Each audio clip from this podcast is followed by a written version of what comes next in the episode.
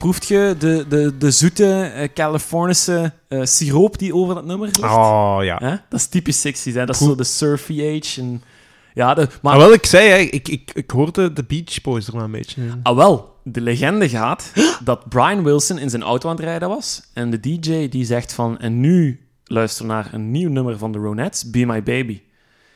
En Brian Wilson was zo overdonderd dat hij langs de weg stopte, dat nummer luisterde. En de dag erna heeft hij eh, Don't Worry Baby van de Beach Boys geschreven. En? Dat lijkt erop, of wat? En dat lijkt erop. Dus hij heeft eigenlijk de inspiratie van Be My Baby gepakt om de mannelijke versie van dat nummer te schrijven eh, voor de Beach Boys, Don't Worry Baby. Mm. Je moet hem maar eens luisteren, dat, dat, dat is inderdaad wel. Dat, dat Clever. Brian. Ja, ja, Clever. ja.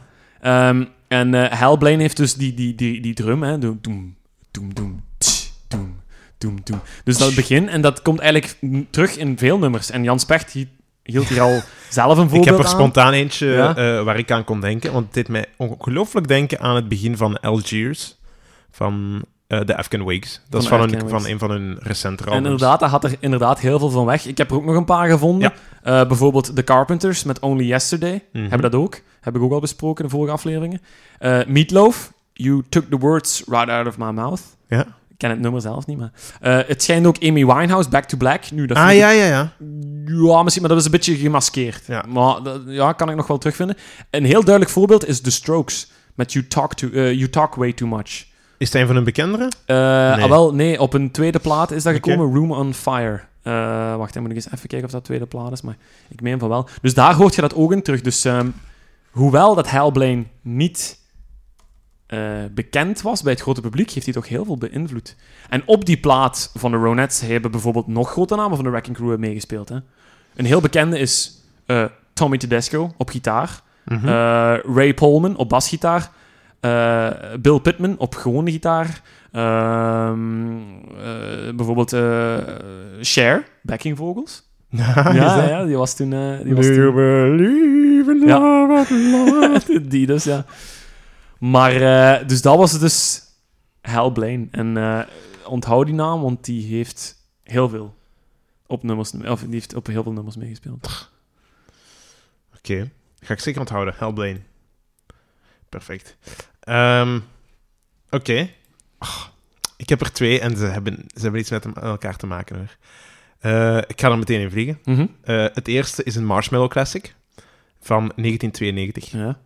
En het heet Tears in Heaven Oh nee, van Eric allee. Vind je dat niet goed? Oh, dat vind ik echt niet goed, nee. Ah, Maar ken je het verhaal erachter? China, China. Ja, ja. Oké, oké. Sorry, Dat dat knippen we eruit. Dan komt zo Trump China of zo over. Oké. Eh, jij, vindt, jij vindt het nummer niet goed of eh, de tekst? Ja, of de... Eric Clapton is veel meer dan alleen dat. En ik vind dat, Ah, voilà. ik vind dat heel commercieel voor, van Eric Clapton. Ja, ja dat is, maar dat is een beetje op het einde van zijn carrière. Maar, want, oké, je gaat zien, ik ga, ik, ga, ik ga vlug overlopen, maar dat is, ik heb gezegd, productieve mannen. We hebben het er juist al over... eh, Ik zei het, maar ze, jong, de- Stil eh, Dr. Dre, eh, onze Timmeke. En nu gaan er nog twee productieve... we hebben het al gezegd, hè, hoe vaak dat een Erik met zijn vinger in een of ander plaat heeft gezeten. Ah, wel, oh, Oké, ik heb er goesting in. Oké, kom. Dus, wie is Eric Clapton? In het kort, een interessant en hoogst productief man. Hij houdt niet ongelooflijk veel van media-aandacht, Uh-huh. maar hij is een briljante gitarist en heeft een ontelbaar hoeveelheid bands gespeeld. Ja. Dus dat was in het kort. Nu in het lang. in 1963. 1963 is hij 18 jaar. Onze Erik is 18. Ehm, en hij voegt zich bij de Yardbirds. Uh-huh. Eh, de Yardbirds, de Yardbirds is een Engelse bluesrockband die later aanleiding geeft tot Led Zeppelin. Spoiler. Ehm, maar goed, nu. Die band had iets of wat succes. Hè? Eric Clapton was het, was het toonfiguur van die band. Mhm. Maar die wou een beetje een meer poppy richting uitgaan. Ja, ja. Erik zag dat niet zitten. Eh, Erik had in die tijd ook de bijnaam Captain Slowhand gekregen. Ja, En dat ja. heeft niet heeft te maken ook enerzijds met zijn speelstijl. Hè, Ja, maar dat is rustige een blues, eh, maar achtergrond ook komt eigenlijk van ergens anders. Dat komt omdat hij, wanneer zijn snaar was gesprongen, doodleuk even pauze nam en die snaar zelf begon te vervangen op het podium, waarbij het publiek niet goed wist wat ze moesten doen. Dus wat deden die dan zo? Slow clap. De- Geleidelijk aan, iedereen begon mee te klappen met het publiek. En vandaar Captain Slow Hand, van de slow hand clap die het publiek moest doen, terwijl hij... Ja, ja, ja. Oké, dus Dus dat is zo die periode. En, eh, maar ja, dus ik heb al gezegd, Yardbirds ging een andere stijl uit. Wat hij niet zag zitten, dus hij ging weg in 1965.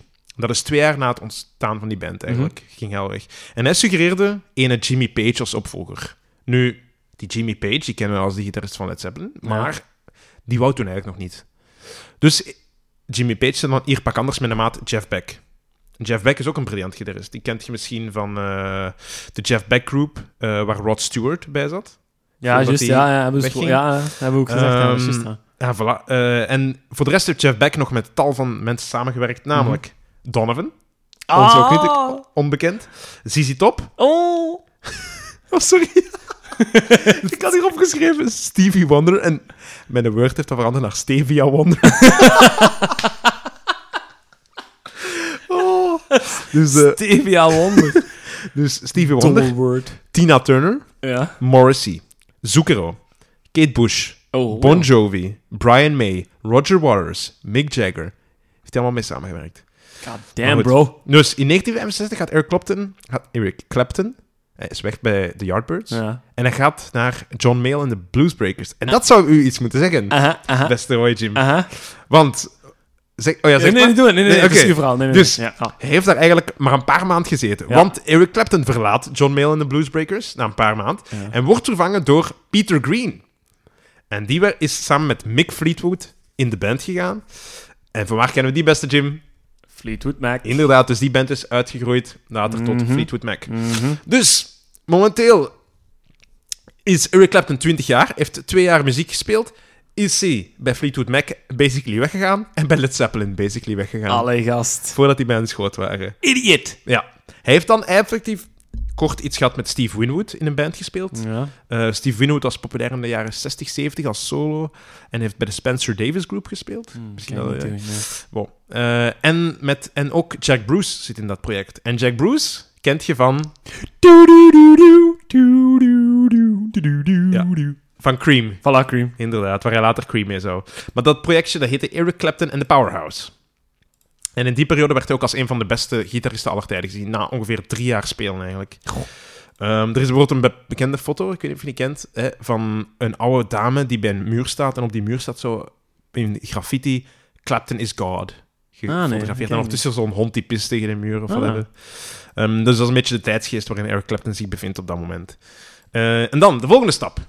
Cream. Dus hij gaat Jack Bruce aanspeel, eh, aanspreken en die gekke Ginger Baker, Oh, die crazy Ginger. crazy Ginger, Crazy. zit daarbij. Hè? En dat is dus in 1966, amper drie jaar na hij met de Yardbirds is begonnen. Zit hij al in Cream. die in, in, in, in een van de meest mythische bands Ja, ooit. Een van de beste gitaristen aller tijden Ja. op dat moment. 1968. Hè? Twee jaar daarna ehm, zijn die mannen van Cream alweer uit elkaar. Hè? Die hebben niet, geen lang bestaan Kort gegund. krachtig. Inderdaad, dat is onge- ongeveer vijf jaar ondertussen na het begin van de Yardbirds. Ze zijn daar alweer weg. Hij is dan direct begonnen met Blind Fate. Blind Fate was een eh, project met Ginger Baker, wel nog. Mhm, ja. Ehm, en opnieuw Steve Winwood zit daarbij. Ah. Dus eerst had hij Steve Winwood en Jack Bruce. En nu Steve Winwood en Ginger Baker. Eh, en dat was amper negen weken nadat Cream met elkaar was gegaan, was hij daar aan mee begonnen. En raad eens hoe lang dat project heeft geduurd? Een jaar. Nee, vier maanden. dus hij heeft daar vier maanden bij gezeten. En daar heeft hij even in, daarna heeft hij een hele race van dingen gedaan. Hij heeft even in de Plastic Ono Band gezeten. Van Yoko Ono en John Lennon. Plastic Ono. Ja. Eh, waar zat hij nog bij? Ehm, de openingsband van die Blind Fate was op een gegeven moment Delaney and Bonnie and Friends. Zo heette die band. ja. Heeft er even bij gezeten. Eh, en die Danny Bramlett, eh, Mhm. Delaney Bramlett, heeft hem dan aangeraden op een gegeven moment om te zingen. En zo is hij solo beginnen doen. Dus hij heeft dan met andere delen van die band. En Steven Stills, die we kennen van eh, Crosby, Stills, Nash Young. Hè, bekende folk eh, ja, ja, ja. Ehm, heeft hij dan uiteindelijk zijn solo, eerste solo-album opgebracht. Hij heeft dan effectief beginnen zingen. Dat was bij Cream ook het geval eigenlijk. Hè? Eh, ja. Want je hebt dat toen eh, gezegd. Ja, hij wou eigenlijk niet. Ah, wel, maar zo, zo, wat, zo wat tussendoor en zo wat Voilà. halve zinnetjes en zo, ja. Inderdaad. Eh, dus dan heeft hij de eerste solo, en dat was in 1970. Dus dat alles, zeven jaar na de eerste keer dat hij in een band speelde. Oké, we zijn nog niet klaar. Hij speelt daarna nog met allemaal andere bands. Dr. John, Howlin' Wolf, Billy Preston, wat is dat? R&B, bluesmuziek allemaal. En Ringo Starr, nog een andere Beatle. Hij richt in 1970, hetzelfde jaar waarin hij zijn eerste soloalbum nog uitbracht, richt hij nog een band op, Derek and the Dominoes. En die kent je misschien van de monsterhit Leila. Ah. Ah, ja. Inderdaad, supergoed nummer. Ga ik zeker nog eens Ja, bespreken. Gaat het vandaag niet over. Nu, iemand in zijn band die sterft aan een motoraccident. Een andere, die wordt later schizofreen. Eh, die heeft zijn eigen moeder vermoord. Eh, die had ook problemen met zijn privé. Dus ja, inderdaad, hij is daarvoor. Dus dat is iemand in zijn band, whatever. Dat is niet het punt nu. Hij was zelf ondertussen in zijn pri- privéleven verslaafd aan alcohol en heroïne. Tof. Enerzijds. Hij was verliefd op de vriendin van George Harrison, die Doch. Patty Boyd. Die heb ik met Fleetwood Mac al eens besproken. Want die Patty Boyd was de zus van Jenny Boyd. Mm. En Jenny Boyd was de vriendin van Mick Fleetwood. Wat George Harrison en Mick Fleetwood schoonbroers maken. Ja, ja, ja. Als je nog meevolgt. Dus hij was daarop verliefd. En later trouwt hij daar trouwens mee. Ze hebben dan heel lang geprobeerd kinderen te krijgen, maar dat is nooit gelukt. Snoeper. Inderdaad. De Ah. Erik, de snoeper. Mag hij als geen van de beste gitaristen aller tijden zijn. Ehm, nee, vinger, vingerspelen, jong. Dat is dat. Ja. Is- Dus dat allemaal. Hij heeft met al die band samengewerkt. Hij kikt af uiteindelijk. Werpt zichzelf weer in de schijnwerper. eh, door drie jaar af te kicken. Helemaal van de aardbol te verdwijnen. En in 1974, amper tien jaar na het begin van zijn carrière, terug te komen. Met een gigantische hit, I Shot the Sheriff. Een cover van Bob Marley. Nice. Hij heeft daarmee ook reggae heel populair gemaakt. Hij gaat weer verder met zijn leven. Alles gaat goed. Hè. Maar hij speelt in wat bands, doet wat collaboraties. Tot 1990. Dan wordt het een beetje donker, als het nog niet donker was. Er sterven een paar mensen. Zijn manager, eh, twee roadies en een van zijn betere vrienden, Stevie Ray Vaughan, een heel bekende bluesgitarist, sterven, want die komen om in een helikoptercrash. Och. Die komen allemaal samen om. Dat is nog belangrijker, je hebt het daar juist al aangehaald, maar ik heb het toen gecensureerd om spoilers te vermijden. Er is een heel tragisch evenement in zijn leven. Dat is ook later, hè. we zijn nu van 74 naar de jaren 90 gesprongen. Eh, Connor, het zoontje van Eric Clapton, was vier jaar. En eh dat was vermoedelijk aan het spelen op een appartement ehm, in een vriendin van, van zijn moeder. Van een vriendin van zijn moeder. Ja. ja. en, eh, ja. en helaas was het raam... Oh, fuck, ben ik aan het lachen. Dat is, dat is vreselijk. Allee. Dus eh, het raam was niet dicht van het appartement. Allee. Allee, nee, dat is... Allee. Oh. Kom. Oké, dus... Ja. eh, nee, ik heb dus gezegd... eh, die was er aan het spelen. Het raam was helaas niet dicht, niet goed beschermd of whatever. En de vierjarige Connor die valt 53 verdiepingen naar beneden. en dat maakt hij kapot als mensen. Ik bedoel... Dus... Ik, ik heb geen woorden. ja, maar gewoon, allee. Nee, ja, nee, dat, Nee, ja, maar, dat is, maar ik zeg toch? dat, is, eh, dat is vreselijk. En ehm, Heeft dat zien gebeuren? Nee. ik... Nee, hij heeft het niet zien gebeuren. Maar... eh, Maar het is erg genoeg. hè. Ja. Ja, Dus eh, vier jaar. Hij heeft daarna nog andere kinderen gehad en zo. Dus... ja oké, maar... ja, ja, nee, ik bedoel, maar ik wil wel zeggen van... Ja.